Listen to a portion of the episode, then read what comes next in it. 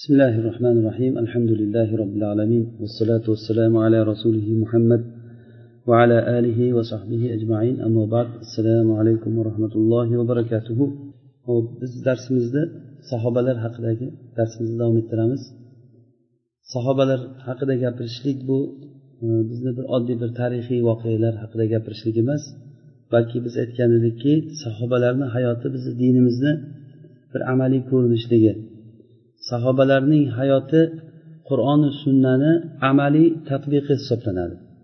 Bu narsa bizni iymonimizni bir juzi hisoblanadi. Alloh taolo al yavma akmaltu lakum dinakum oyatini tushirgan paytida ya'ni bugun sizlarga men dinimni komil qildim ne'matimni tamomiy qilib berdim degan paytdagi muhotab ya'ni shu oyat xitob qilingan kishilar sahobalar bo'lgan. Sahobalar ibn masud roziyallohu anhu aytganlari kabi ular shunday bir qavmki alloh taolo ularni xos tanlab olgan xalqni ichidan. Qalbi pok bo'lgan takallufi kam bo'lgan odamlar edi. Alloh taolo ularni rasululloh sollallohu alayhi vasallamga sohib bo'lishligini nasib qilgan odamlar. Agar bizni bittamiz rasulullohni shahodati bilan agar uhud tog'ichalik tilloni nafaqa qilsak ham sahobalarni bir hovuch qilgan narsasiga yetmaydi. Bu ollohni fazli bu narsaga e, biz havas qilamiz. Bir hasad bilan yo boshqa narsa bilan bu narsaga yetishib ham bo'lmaydi. Agar umr nuh alayhissalomni umrichalik umr ko'rsak ham shu umrda qanchalik darajada ko'p solih amal qilsak ham sahobalarni qilgan amaliga yetisholmaymiz. Bu alloh taolo ba'zi bir odamlar qolib ba'zi bir kishilarga yaxshilik qilishligi ba'zilarga yaxshilik qilmasligi bobidan emas bu. Ollohni fazli o'zi biladi nima uchun shunday ekanligini. Shuning uchun ham biz sahobalar hayotini dinimizni bir bo'lagi sifatida o'rganamiz. Ularni oddiy bir tarix sifatida oddiy bir tarixiy qahramon sifatida ularga qaramaymiz. Biz e, sahobalar hayotini o'qishlikdan oldin ahli sunna va jamoani shu bobda sahobalar hayotiga qarashlikdagi qo'ygan qoidalari haqida so'z yuritgan edik. Bunda bir to'rtta narsa bilan boshlaymiz degan edik. Birinchisi sahobalar haqida ixtiloflarda biz tilimizni tiyishligimiz kerak. Illo agarda hojat bo'layotgan bo'lsa odamlar johil bo'lishligiga o'xshagan yoki bo'lmasa bidatchilar chiqib sahobalarni so'kishligiga o'xshagan ba'zi bir e, hojat bo'lib qolsa uni bayon qilishlik bizga vojib bo'ladi. Mana shu paytda sahobalar o'rtasida bo'lgan xiloflar kelishmovchiliklar haqida gapirsa bo'ladi. Balki vojib gapirishlik. Ikkinchidan sahobalar haqida kelgan tarix aksari zaif va din dushmanlari shiyalar va rofiziylar tomonidan to'qilgan tarixlar aksari. Mana shu tarixlarni biz yaxshi o'rganib uni tasabbut qilishlik kerak ya'ni tekshirishlik kerak. Bu xabarlar qanday? Sahihmi sahih emasmi? Aksari sahih emas bu xosatan sahobalarni o'rtasidagi xilof to'g'risida ular o'rtasida moviy roziyallohu anhu bilan ali roziyallohu anhu o'rtasidagi bo'lgan kelishmovchiliklarda bundagi xabarlar aksari to'qima xabarlar rofiziylar tomonidan to'qilingan xabarlar bo'ladi. Uchinchidan agar xabar sahiy bo'lgan taqdirda ham xabar sahiy bo'lgan taqdirda ham va shu xabarni zohir agar sahobalarga ba'zi bir ta'na qilishlik bo'ladigan bo'lsa mana shu xabarni biz yaxshilik tomoniga burib tushunishligimiz kerak bo'ladi. Chunki sahobalar to'g'risida kelgan ochiq oyatlar alloh taolo ulardan rozi bo'lganligini ochiq alloh taolo aytib qo'yganligi mingdan ziyod hadislarni kelganligi sahobalarni fazli to'g'risida bunday xabarlarni ba'zi bir mavhum bo'lgan ma'nosi nima ekanligini biz yaxshi tushunmagan xabarlar bunday ochiq sarih ochiq oyat hadislarni ma'nosini o'zgartira olmaydi. Shuning uchun ham sahobalar to'g'risida ba'zi bir kelishmovchiliklar bo'lgan bo'lsa ularni bir vajhi bor tomoniga yaxshilik tomoniga burib yuyib tushunishligimiz kerak bo'ladi. Bu uchinchidan. To'rtinchidan sahobalar qilgan ishlarida mushtahid bo'lganlar. Ali roziyallohu anhu tarafida turgan odamlarni ishtihodi shu ali roziyallohu anhu tarafda turishlikni taqozo qilgan. Muaviya roziyallohu anhu tomondagilarniki bo'lsa ishtihodi muaviya roziyallohu anhu tarafda turishlikni taqozo qilgan. Ular mana shu ishtihod muqtazosi bilan ish qilishgan balki mushtahid kishini vojib ham shu bo'ladi. Ular mana shu ishtihod bilan e, ishga kirishgan. Va yana aytgan edikki abdulloh ibn ahmad rahimaullohni rivoyatlaridan said ibn musayyibdan ibn taymiya eng asahu sanat degan buni xabarni sahobalar shu o'rtalarida xilof bo'lgan paytda o'n mingdan ziyod sahobiy bo'lgan. Bu naga qo'shilganlari yuzdan oz balki o'ttizdan oshmaydi degan. Balki o'ttizdan oshmaydigan sahobalar aksar sahobalar bu fitnaga qo'shilmagan. Muhim bu sahobalar qur'onu sunnani qur'on sunnani amaliy tadbiqini hayotda ko'rsatib bergan kishilar. Hammalarida bor bo'lgan bir narsa sidiq va yaqin ishonch allohga bo'lgan iymon va taqvo sahobalarniki biriniki ikkinchisidan qolishmas edi. Agarchi biz ba'zi sahobalarni ba'zisidan afzal desak ham ularni amali ko'pligi islomga oldin o'tganligi va boshqa tomonlardan afzal desak ham lekin umumiy olganda sahobalar hammalari butun ummatni ijmosi bilan sahobalar eng ishonchli tekshirib o'tirilmaydigan shaxslar deyilgan. Sahobiydan deyildimi? Hadis rivoyatlarida agar sahobiy deydigan bo'lsa bo'ldi tekshirib o'tirilmaydi. Birdaniga shunday to'g'ridan to'g'ri qabul qilinaveradigan xabar bo'ladi sahobiyniki bo'ladigan bo'lsa.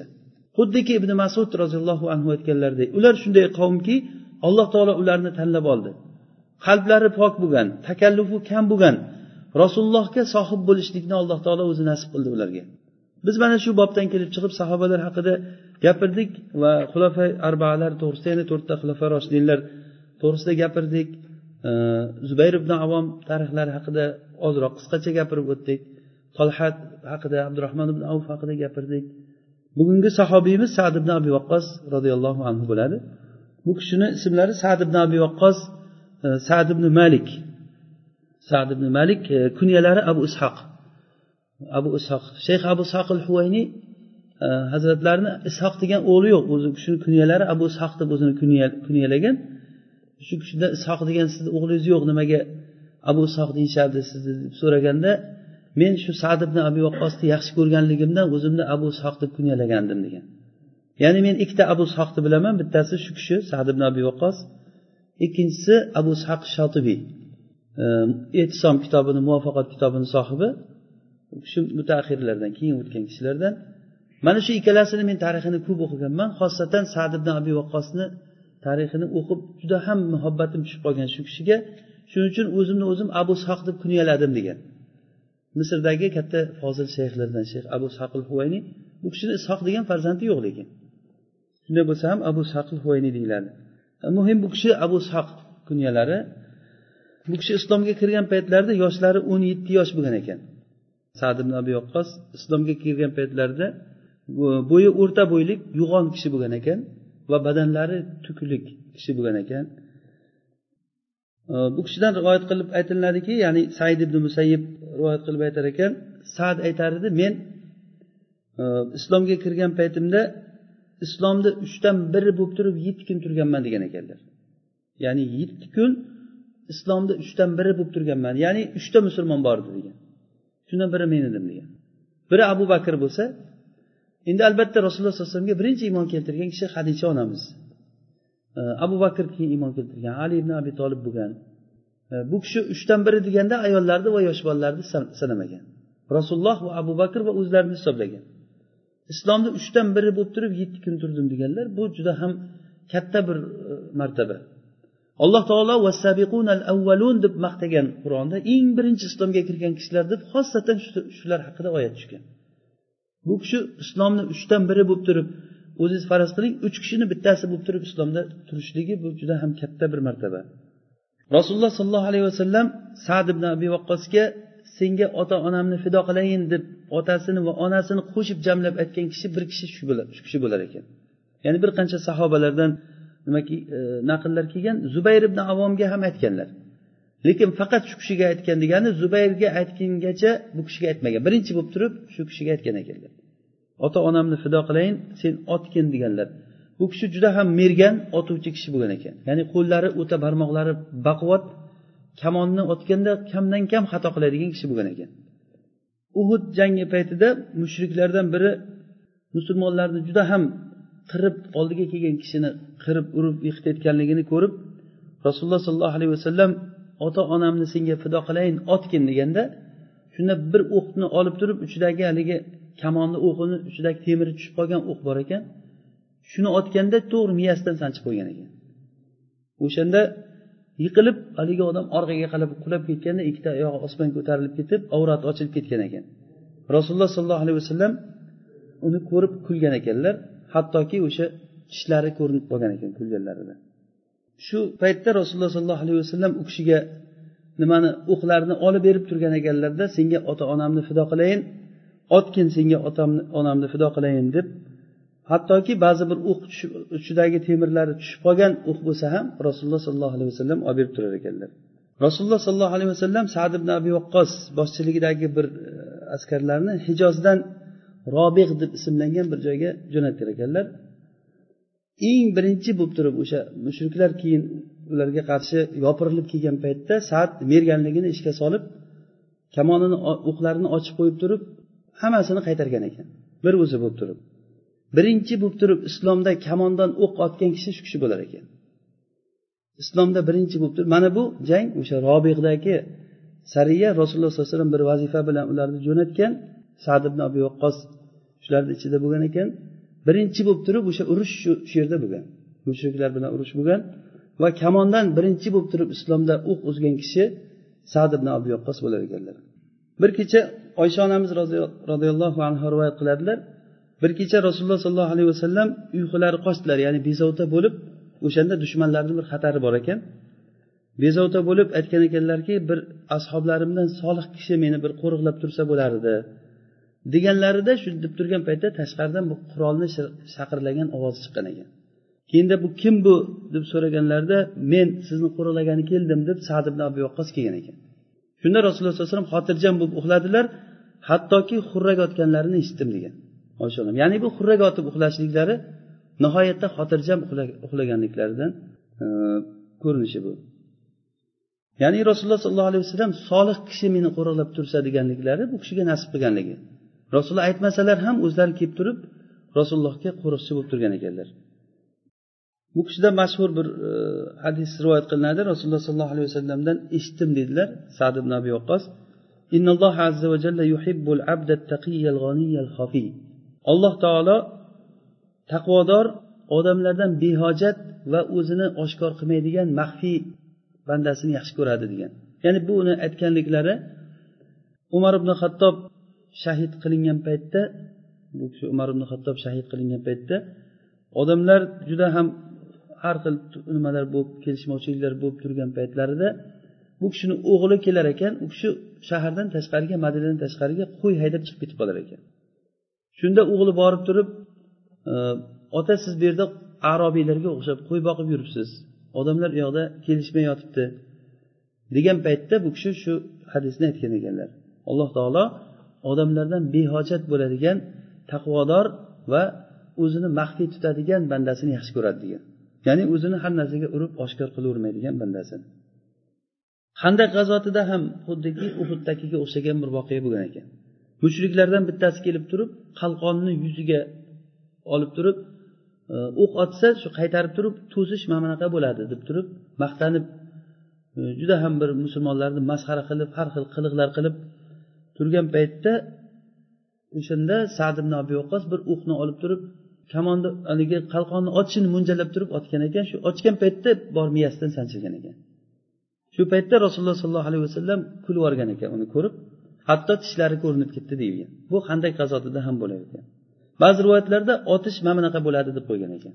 Ya'ni haligi odam to'sish mana bunaqa bo'ladi deb turib o'qlarni to'sib turgan paytda otib otish mana bunday bo'ladi deb qo'ygan ekanlar. Bu kishini juda ham sahobalar ichida ko'zga ko'ringan sifatlaridan biri ya'ni sahobalarni ba'zi bir biz ko'rinishlarini aytamiz bu narsada.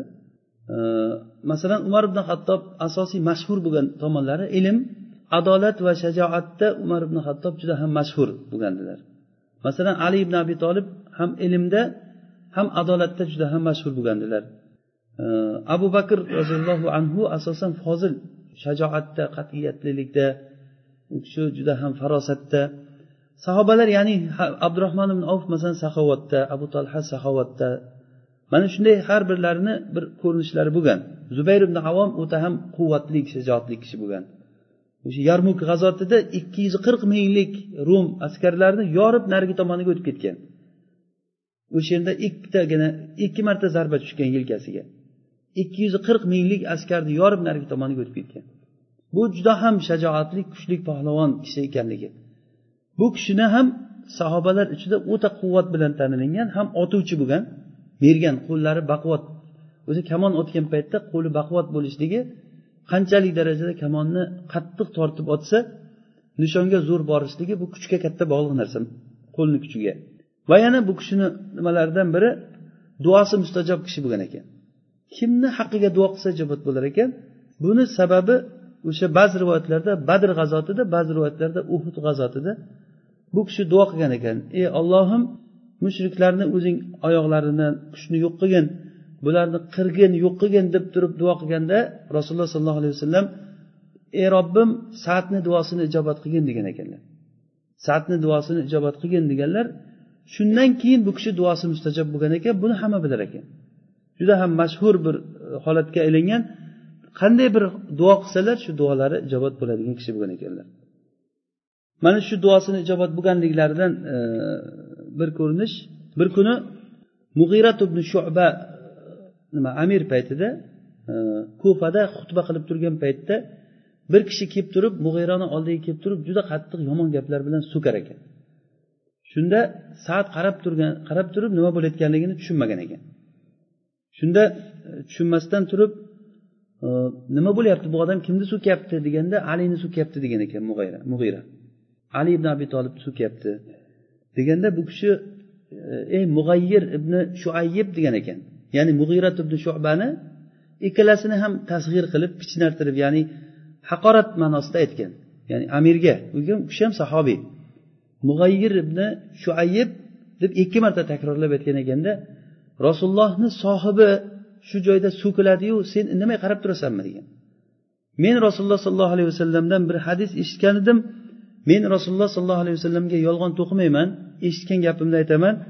Rasululloh aytgandilar abu bakr jannatda umar jannatda ali jannatda usmon jannatda tolha jannatda zubayr jannatda abdurahmon jannatda sad ibn molik jannatda va to'qqizinchisi ham jannatda degan ekanlar. To'qqizinchisi ham jannatda. Agar xohlasanglar buni agar men xohlasam buni kimligini aytib beraman. Deganda shunda masjidda butun odamlar e, gurlagan ovoz chiqqan ekanki kimligini ayting. To'qqizinchisi kim? Deganda bu aytgan ekanki ammo meni hech qo'ymadinglar bu oxirgisi o'zim bo'laman dedilar. Bularni rasululloh sollallohu alayhi vasallam bilan birga qo'shilib bitta holatdagi ko'rinishlari holati sizlarni bittalaring nuhni umricha agar umr ko'rsa ham yetisholmaydigan holatda degan ekanlar. Shu nimalardan ya'ni bir kishi kelib turib ali ibn abi tolibni qattiq haqorat qilib so'kib turgan paytda bu kishi masjidni bir chetiga o'tib ikki rakat namoz o'qigan ekanlaridan keyin qo'lini ko'tarib duo qilgan ekan. Ey robbim mana bu odam seni valiylaringdan bir valiyni so'kyapti shu maqomimdan ketmasdan turib shu odamda o'zingni bir oyatlaringdan bir oyatni ko'rsatgin deb duo qilganlarida shu paytda bir tuya uzoqdan yugurib kelib turib haligi odamni tepib bosib bosib majaqlab yerga yopishtirib o'ldirib tashlar ekan. Saat o'rnidan turib hech narsaga qaramasdan ketaverganda odamlar orqasidan borib ey saat duong ijobat bo'ldi ko'rdingmi? Duong ijobat bo'ldi deganda bu men uchun emas u so'kilingan odamni fazli ham bu yerda sherik bo'ldi faqat meniki emas bu degan ekan. Ya'ni ali ibn abi tolibni aytgan. Sad ibn abi vaqqos aytadilar uhud kunida men rasululloh sollallohu alayhi vasallamni ikki yonlarida ikkita oq kiyimli kishini urushayotganligini ko'rdim. Urushdan oldin ham ko'rmaganman keyin ham qaytib ko'rmadim ularni degan. Ya'ni bu farishtalar bo'lgan farishtalarni ko'rgan ekanligiga bu rivoyat o'zlaridan rivoyat qilingan ekan. Sharik rahimaullohdan naql qilib aytilinadi aytar ekanlarki sahobalarni eng kuchlilari to'rtta to'rtta degan ekan. Umar ali zubayr va saad degan ekan. Ya'ni juda ham urushda quvvat bilan shajoat bilan tanilgan sahobalar bo'lgan. Rasululloh sollallohu alayhi vasallam sad ibn abi vaqqosga jannatdan bashorat bergan. Ya'ni tiriklik paytida jannatiysan deb aytilingan o'nta sahobiyni bittasi bo'ladi. O'zi shuncha kishining shajoati quvvati urush maydonlarida qilgan ishlari qancha fazilatlarini gapirsak kam shu bitta fazilatini o'zi yetadi. Tiriklik paytida bo'ldi. Jannatiy bo'lding deb aytilingan holat bu nihoyat darajada alloh taoloni bergan bu katta bir mukofoti bu narsa. Qur'ondagi oyat va injahadaka litushrika bi ma laysa laka bihi ilmun fala tuti'huma. Oyati shu sad ibn abi vaqqos haqida tushgan ekan. Bu kishi juda ham onasiga yaxshilik qiladigan onasini juda ham hurmatlaydigan kishi bo'lgan ekan. Islomga kirganlaridan keyin onasi qattiq turib olib turib dindan qaytasan deb juda qattiq qarshilik qilgan. Hattoki ovqat yemay o'zimni o'zim ochlikdan o'ldiraman deb onasi qasd qilgan ekan. Men ochimdan o'laman keyin sen odamlar odamlar tomonidan so'kilib yurasan onasini qotili degan gapni eshitasan deb bir sutka ovqat yemagan ekan. Ikkinchi sutkaga ham o'tib ovqat yemay turganda onasiga aytgan ekanki ona siz ovqat yeysizmi yemaysizmi men dinimdan qaytmayman. Vallohi agar sizni mingta joningiz bo'lib turib har kuni bitta bitta chiqib ketsa ham men dinimdan qaytmayman. Undan ko'ra ovqatingizni yeyavering deb gapirgandan keyin qarasa mahkam turganligini ko'rib ovqat yeyvergan ekan keyin onasi. Shunda oyat tushgan ekanki rasululloh sollallohu alayhi vasallamga agar ota onang seni yomon shirk ishga majburlasa ularga itoat qilmagin degan. Bu aynan o'sha sad ibn abi vaqqos to'g'risida tushgan ekan. Rasululloh sollallohu alayhi vasallam sad ibn abi vaqqosni ko'rsatib aytar ekanlarki bu meni tog'am bo'ladi. Qani biror kishi o'zini xuddi shunday tog'asini ko'rsatsinchi der ekanlar ya'ni bu kishi rasululloh sollallohu alayhi vasallamni e, tog'asiligi ominani rasululloh sollallohu alayhi vasallam onalari ominani amakisi tarafdan bo'lar ekan. Amakisi e, ominani amakisi bu kishini otasi bo'ladi. Sad ibn abi shu tomondan tog'a jamoat ya'ni mubasharatan to'g'ridan to'g'ri tog'a emas ya'ni tog'alarini farzandlaridan bo'lgan ekan. Rasululloh sollallohu alayhi vasallam bu meni tog'am bo'ladi. Qani kimni mana shunday tog'asi bor ko'rsatsin der ekanlar bu kishi qornlari og'rib juda ham qattiq kasal bo'lib qolar ekanlar shunda rasululloh sollallohu alayhi vasallam qo'llarini ko'kragiga qo'yib sadni ko'kragiga qo'yib turib allohim mashfi sadan deb duo qilgan ekanlar. Ey ollohim saatga o'zing shifo bergin degandan keyin menda hech kasallik bo'lmay qo'ydi. Hozirgacha men jigarimda rasululloh sollallohu alayhi vasallamni qo'llarini salqinligi seziladi degan ekan. Bir necha yildan keyin aytgan gaplari bu. Buni buxoriy va nasoiy chiqargan hadisda allohimma shfi sadan deb duo qilgan ekanlar. Ibn vahdni rivoyatida keladi sad ibn abi vaqqos uhud jangidan oldin abdulloh ibn jahsh bilan birga ikkalasi maydonni bir chekkasiga o'tib kelishgan ekanki duo qilishamiz bittamiz duo qilib ikkinchimiz omin deb turamiz. Duo qilgin deganda sad birinchi boshlab duo qilgan ekan. Ey robbim men ertaga dushmanga yo'liqqan paytimda juda ham senga qattiq kofirligi qattiq bo'lgan qattiq bo'lgan yomonligi ko'p bo'lgan bir mushrikka yo'liqayda o'shani o'ldirib g'oziy bo'lay va ajrini olay va uni salabini ya'ni salab degani qurollari minadigan otlari kiyimlari. Mana shu narsalarni men o'shanga ega bo'lay deb duo qilganda bu kishi abdulloh ibn jash omin deb duo qilib turar ekan. Keyin abdullohga navbat kelganda duo qilar ekan ey ollohim ertaga urush bo'lgan paytda men juda ham senga qattiq kofirligi dushmanchiligi qattiq bo'lgan bir mushrikka yo'liqay u meni o'ldirsin. O'ldirib qulog'imni va burunlarimni kessin. Senga yo'liqqan paytimda ey bandam qulog'ing va burning qani? Men seni quloq burunlik qilib yaratgan edimku desa alloh taolo men seni yo'lingda tashlab keluvdim deb aytay degan.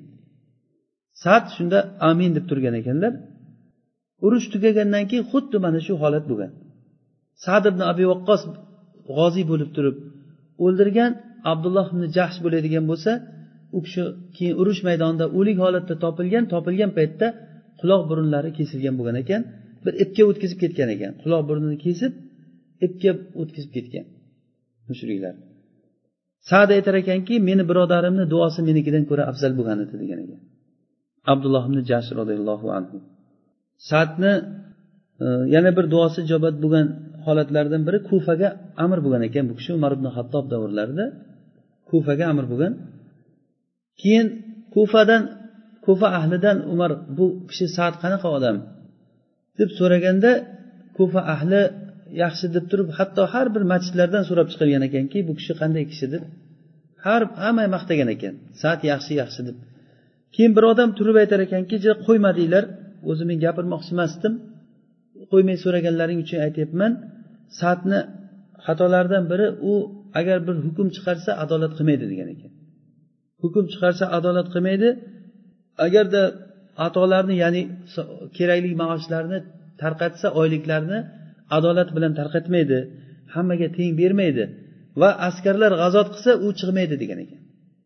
Ya'ni ham baxillik bilan ham adolatsizlik bilan ham qo'rqoqlik bilan sifatlab qo'ygan. Ya'ni qisqagina iborani ichida kelishtirib gapirib qo'ygan. Ya'ni la yadilu fil qodiyya va la yaqsimu bisaviyya va la yasiru fissariya deb turib aytgan ekan. Ya'ni askarlar urushga chiqsa chiqmaydi qo'shilib bermaydi baxil va hukmda adolat qilmaydi degan.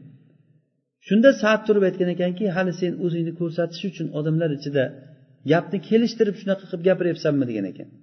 Shunday qo'llarini ko'tarib duo qilgan ekan. Ey ollohim mana shu odam riyo qilib o'zini maqtanish uchun odamlar ichida yolg'ondan duo qilayotgan bo'lsa o'zing bu odamni umrini uzoq qil degan ekan. Umrini uzoq qilgin va uni fitnaga uchratgin degan ekanlar. Ko'zini ko'r qil degan ekan. Ko'zini ko'r qilgin umrini uzoq qil va fitnaga duchor qil degan ekan. Bir qancha paytlardan keyin haligi odamni umri uzoq bo'lib ketib qoshlari o'sib ko'zlarini ustiga tushib qolgan ekan. Shunchalik yoshi katta bo'lgan paytda ko'chada qizlarni ko'rib qolsa orqasidan quvib qiliqlar qilib bema'ni qiliqlarni qilib yurar ekan. Juda qarri bo'lgan chol. Va nimani e, muxtor saqafiyni davrigacha yetib borib o'sha paytda o'sha havorijlarga qo'shilib fitnada shunda vafot etgan ekan. Hatto ko'zi ham ko'r bo'lib qolgan ekan keyin. Ko'zi ko'r bo'lsin fitna o'zi aytib yurar ekan menga saatni duosi yetgan men saatni duosiga uchraganman deb aytib yurar ekan. Bir kuni sad sad ibn abi vaqqosni joriyasi e, ya'ni xizmatchi ayol joriya shu yangi ko'ylak kiyib ko'chaga chiqqan paytda shamol bo'lib turib bir ko'ylagini ochib yuborganda umar ko'rib qolar ekan. Umar ibn hattob keyin nimaga sen bunaqa holatda sen chiqib yuribsan deb qo'liga haligi durrasini olib turib borib haligi joriyani urgan paytda sad ibn abi vaqqos chiqib turib urmagin deb turib borib joriyasini tarafini olgan ekan shunda saatni ham urib yuborar ekan. Saatni ham urib yuborganda shunday saat yonroqqa o'tib qo'lini osmonga ko'tarishda umar yugurib kelib durrani bergan ekan meni urgin duo qilmagin degan ekan. Bu kishi duo qilganda duo xato bo'lmasligini hamma sahobalar yaxshi bilgan. Qancha ursang urgin lekin meni duo qilma degan ekan. Shunda umar umarni kechirgan ekan u kishi. Sad ibn abi vaqqosni yana bir katta bir manoqiblaridan bu kishi haqida gapiriladigan bu kishi iroqni fath qilgan sahobiylardan bo'ladi. Iroqni eng katta fathlardan ya'ni islomdagi katta bir fathlardan biri. Hattoki fath bo'lgandan keyin islomdagi fathlarni fathi deb ismlangan ekan shu iroqni fathi. Ya'ni fathul futuh deb ismlangan. Mana shu paytda bu kishi o'sha jalula degan joyni fathida amir bo'lgan ekan sad ibn abi vaqqos ular o'sha kisroni oxiri sindirgan kishi shu kishi bo'ladi. Kisroni sindirgan butun o'sha fors imperiyasi iroqda bo'lgan joyida fors imperiyasini sindirgan kishilar shu kishilar bo'ladi. Ya'ni bu kishi amir bo'lgan o'shanda. Hattoki shunday holatda bo'lganda dijla daryosini oldiga borib qolgan paytlarida otlar bilan dijla daryosini ustidan ollohga tavakkal qilib chopib o'tib ketgan ekan. Bu juda ham tarixda mashhur bu kishilarni sahobalarni karomatidan. Bularni kelayotganligini ko'rib haligi forslar devona devona deb qolgan ekan hammasi. Sizlar insonlar bilan urushmayapsizlar sizlar jinlar bilan urushyapsizlar ekan deb shu joyda birdan tamom bo'lgan ekan. Hattoki kesro qocholmay eshigidan chiqolmay qolgan ekan. Uyni orqasidan bir orqondan osilib turib qochgan ekan. Shunda fath qilib turib nima qilganda o'ttiz million dirham g'animat olar ekan o'sha yerdan. O'ttiz million dirham. Shu bilan majusiylarni uyini uyiga o't qo'ygan kishi bo'ladi bu kishi. Majusiylikni tamomiy qirib tashlagan kishi sad ibn abi vaqqos bo'ladi. Rasululloh sollallohu alayhi vasallam aytadilar sen sababli alloh taolo bir kishini hidoyatlashligi dunyo va undagi hamma narsalardan ya'ni quyosh uni ustiga chiqqan paytda tushgan narsalarni hammasidan afzal dedilar. Bu kishilarni qo'liga ko'ra qancha odamlar islomga kelgan. Hattoki o'sha iroqni iroqni fathi paytida urushda askarlarni to'rtdan biri shahid bo'lib ketar ekan. Islom askarlarini to'rtdan biri osonlik bilan bo'lmagan bu narsalar juda katta qon to'kilishlikni evaziga fathlar bo'lgan. Umar ibn hattobga xat yozar ekan sad ibn abu yoqqos fath bo'lganligidan bashorat berib falonchi o'ldi falonchi o'ldi falonchi o'ldi deb o'lgan kishilarni ismlarini sanab xatda umar ibn hattobga xat yozar ekan. Shahid bo'lib ketgan sahobalar shahid bo'lmaganlaridan afzal emas edi. Shahid bo'lmaganlari shahid bo'lganlardan afzal emas edi. Ya'ni bir biridan afzal bo'lgan sahobalar edi. Alloh taolo o'sha tirik qolganlariga shahodatni nasib qilmaganligi uchun o'sha paytgacha shahid bo'lmay qolgan bo'lmasa ular urush maydonida orqaga qaytadigan kishilar emas edi. Bu kishi o'sha iroqni fathiga borgan paytlarida oyoqlaridan belidan shamollash bo'lib turib o'rnlaridan turolmaydigan bir kasal bo'lib qolgan ekanlar qolgan ekanlar. Urushda shu holatda turib amirlik qilgan ekan. Hattoki o'sha bir qasrda yotgan joyida eshigini orqasida urush bo'lyapti ekan. Eshik ochiq turar ekan bu kishi eshikda yotgan joyida so'ridan qarab turgan ekan. Shunchalik darajada bir katta shijoat bilan qilingan. Bu narsa keyin lekin ba'zi bir fitnachilar tomonidan bu urushga qatnashmadi. Hammani xotini beva qoldiyu sadni xotini beva qolmadi. Chunki u urushga qatnashmadi degan e, ma'nodagi she'rlar ham yozib aytgan ekan. Shunda buni she'rini eshitib sad ibn abi vaqqos ey ollohim buni mendan og'iz tili bilan qo'lini tiyib qo'ygin deb duo qilgan ekan. Shu odamni bir daydi o'q kelib og'ziga sanchilib gapirolmayotgan bo'lib saqov bo'lib qolgan ekan. Keyin bir urushga kirganda qo'li kesilib ketib qo'lsiz bo'lib qolgan ekan. Tilsiz va qo'lsiz bo'lib qolgan ekan. Mana bunaqangi holatlar juda ko'p bo'lgan. Sadni nimasida duosi ijobat odam bo'lgan ekan. Juda ko'p holatlarda shu u bekordan bekorga duo qilaveradigan kishi emas edi. Ikki marta duo qilganliklari ali ibn abi tolibni so'kkan kishilarga duo qilgan. Sahobalarni so'kkan kishilarni haqqiga duo qilgan. Umar ibn hattob roziyallohu anhu shahid bo'lgan paytlarida e, ya'ni shahid bo'lishidan oldin u kishi pichoq bilan sanchilgandan keyin o'rningizga xalifa qo'yib keting deganda aytgan ekanlarki men o'zimdan keyin xalifa saylamayman lekin uch kishini qo'yib ketaman. E, olti kishini. Shu oltitadan bittasi xalifa bo'lib kelishib oladi degan shulardan bittasi sad bo'lgan. Agarda sad bo'lsa yaxshi degan ekan umar. Agar saatga kelishsa yaxshi hammalari agar saat bo'lmay boshqasi bo'layotgan bo'lsa lekin albatta saatni o'ziga yordamchi qilib olsin degan ekan. Chunki men hech qachon uni zaiflikdan yoki xiyonatdan amirlikdan bo'shatmaganman degan. Ya'ni u kishi umar ibn hattob davrlarida amir bo'lib voliy bo'lib ishlab yurganlar biror joyda u kishidan zaiflik ishni eplolmaslik yoki bo'lmasa omonatni yo'qligi sezilinmagan. Umar ibn hattobdek kishilar agar shahodat bersa ham o'zi bunday qarasangiz mana shu oltitani ichida saatga shahodat bergan bo'ladi. Ali ibn abi tolib usmon va zubayr abdurahmon ibn avf va e, tolha keyin e, sad ibn abi vaqqos mana shu oltitasini aytib turib agar saat bo'lsa meni o'rnimga yaxshi degan ekan shu oltita odam kelishib saatni qo'ysa mayli yaxshi bo'ladi. Lekin agar saat bo'lmasa kim bo'lsa ham saatni o'ziga yordamchi qilib olsin deb vasiyat qilgan ekanlar. Sad ibn abi vaqqosni yana bir katta bir manoqiblaridan ko'zga ko'ringan ishlaridan biri sahobalar davridagi bo'lgan fitnada bu kishi juda ham qattiq chetlangan ekanlar. Fitnaga qo'shilmagan ekanlar.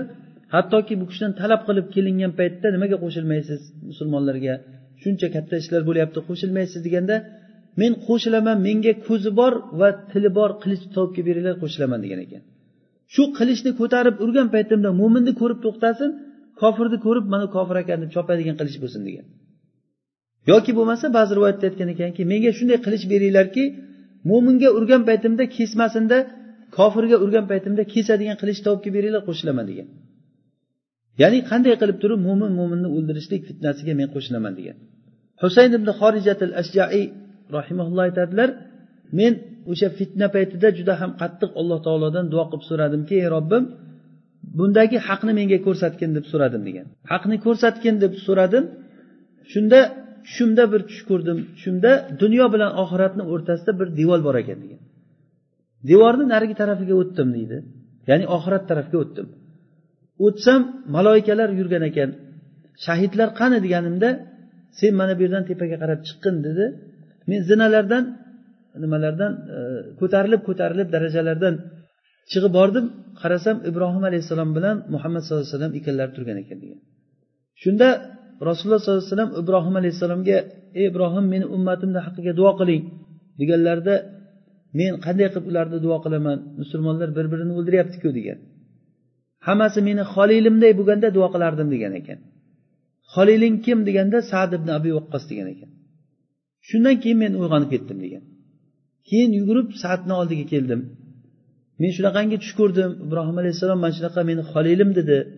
Sizni deganda juda ham xursand bo'lib allohga hamd aytgan ekan. Keyin sad ibn abi vaqqosga siz qaysi tomondasiz bunda? Ali tomondasizmi yoki muoviya tomondasizmi deganda men ikkalasiga qo'shilmadim degan. Ikkala tomonga ham qo'shilmadim. Demak mana shu fitna paytidagi musulmon musulmonni o'ldirish paytida ikkala tomonga ham qo'shilmagan kishi bu holatda to'g'ri yo'lni tutgan bo'ladi. Chunki musulmon musulmonni o'ldirishligi hech bir tomondan hattoki o'sha sahobalarni o'zlari ham ishtihod bilan qo'shilgan sahobalar oysha onamiz ali ibn abi tolib bir umr yig'lab o'tganlar. Agar ish bu darajagacha borishligini bilganimda men umuman kirmagan bo'lardim deb oysha onamiz. Agar shu voqeani eslasalar yig'lab ro'mollari ho'l bo'lib ketardi deyilgan. Sad ibn abi vaqqosni e, nimasi? Farzandi musab rivoyat qiladilar. Otam o'lish paytida degan ekan o'lish paytida shu boshlarini meni tizzamga qo'yib qo'ygan holatlarida men yig'ladim degan. Nimaga yig'layapsan deganda sizni holatingizni ko'rib yig'layapman. Deganda yig'lamagin meni alloh taolo azoblamaydi hech ham degan ekan. Chunki menga rasululloh sollallohu alayhi vasallam jannatdan bashorat bergan degan. Mana shu holat o'zi bu bizni aqidamiz shu. Ashro mubashsharo bil jannani bittasi bu kishi.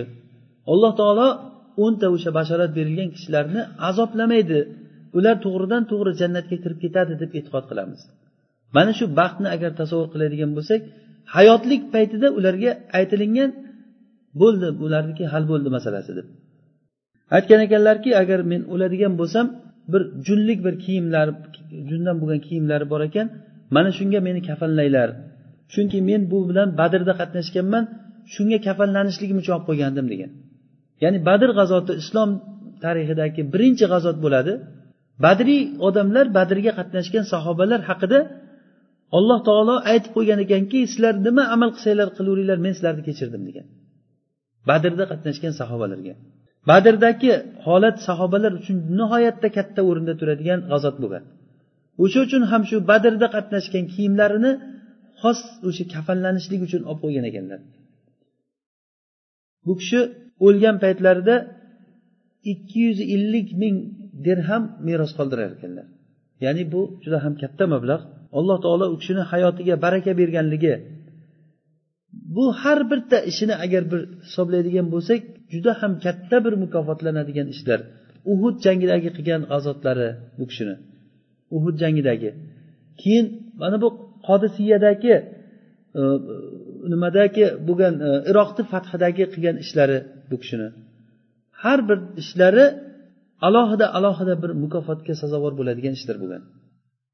Lekin shunday bo'la turib ham bu kishi o'sha farzandlarini oldida alloh taolo e, shahodatni baribir ham rasululloh sollallohu alayhi vasallam haligi uhud tog'i hiroq qimillagan paytda ey tog' jim turgin seni ustingda payg'ambar yoki siddiq yoki shahid turibdi deganlarida bunda sad ibn abi vaqqos ham bo'lgan. Bu kishi muhojirlarni eng oxiri vafot etganlardan bo'lgan ekan. Ya'ni umrlari uzoq bo'lgan muhojirlarni eng oxiri vafot etganlarda ellik beshinchi hijriy sanada vafot etar ekanlar.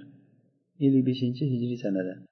Ba'zi rivoyatlarda ellik oltinchi yil ellik yettinchi yil ham deyilgan lekin sahihrog'i ellik beshinchi hijriy sanada vafot etar ekanlar. Alloh taolo bu kishidan rozi bo'lsin. Bu kishini yaxshi ko'rishligimiz muhabbatimiz bilan bizni alloh taolo qiyomatda jamlasin birga sahobalar bilan. Hozir aytganimizdek bu kishini tarixlaridan ba'zi bir narsalarni biz o'qib beryapmiz. Toki bizga bu hayotda bir manhaj bo'lishligi uchun. Biz shunchaki bir tarixni o'qib bilib qo'yishlik yoki u kishini ismi nima ekan e, nechta e, ishlar qilgan ekan nimalar qilgan ekan deb sanash emas bu narsa. Bizga shu asosiy bo'ladigan kishining manoqiblaridan ya'ni ko'zga ko'rinadigan holatlardan ba'zilari shular. Hop keyingi yana bir sahobiyimiz said ibn zayd roziyallohu anhu. Said ibn zayd bu kishi zayd ibn amr ibn nufayl degan otalari u kishini shu kishini o'g'illari bo'ladi. Said ibn zaydni gapirishdan oldin albatta u kishini otasini gapirmay iloji yo'q. Said ibn zayd bu kishi ham o'nta jannatdan bashorat berilgan sahobalarni bittasi. Bu kishini otalari zayd ibn amr ibn nufayl rasululloh sollallohu alayhi vasallam payg'ambar bo'lib chiqishliklaridan oldin e, varaqat ibn navfal zayd ibn amr ibn nufayl usmon ibn haris ubaydulloh ibn jahsh mana bu to'rtalalari bir yig'ilib turib bu odamlarni qilayotgan ishi noto'g'ri ishlari haqida gapirishar ekan mushriklarni qilayotgan ishlari noto'g'riligi haqida hali payg'ambar kelmasdan turib shu to'rtalasi e, shular haqida gapirar ekan. Varaqat ibn navfal keyinchalik nasoro diniga kirib ketib nasoro dinini juda ham e, mustahkam o'rgangan ekan. Hadicha onamizni amakisi bo'ladi varaqat ibn navfal ammo ubaydulloh ibn jahsh bo'lsa bunga islom nasib qilgan. Musulmon bo'lgan keyin musulmon bo'lib ozorlangandan keyin rasululloh sollallohu alayhi vasallam bularni habashistonga hijrat qilishlikka buyurganlar. Xotini ummu habiba bilan abu sufyonni qizi ummu habiba. Keyin rasululloh uylanganlar ummu habibaga. Oldingi ummu habibaga uylangan kishi ubaydulloh ibn jahsh bo'ladi. Xotini ummu habiba bilan birga habashistonga hijrat qilib o'sha yerga borib turib nasoro diniga kirib murtad bo'lib ketgan. Ichkiliklar bilan aroq ichishlikka berilib nasoro diniga kirib murtad bo'lib o'sha yerda kofir bo'lib o'lib ketgan ekan. Keyin ummu habiba o'sha habashiston yerida turgan joyida rasululloh sollallohu alayhi vasallam najoshiyni vakil qilib uylanib olganlar ummu habibaga. Ammo zayd ibn amr ibn nufayl bo'lsa bu said ibn zaydni otasi haq istab turib shomga ketar ekan. Shomga borib turib odamlar ichida yurib e, rohiblar bilan suhbatlashib qaysi din haq men nima qilsam to'g'rilikda yurgan bo'laman? deganda bir rohib shomda bir rohib aytar ekanki ammo sen haq istaydigan bo'lsang hozir haqda turgan odam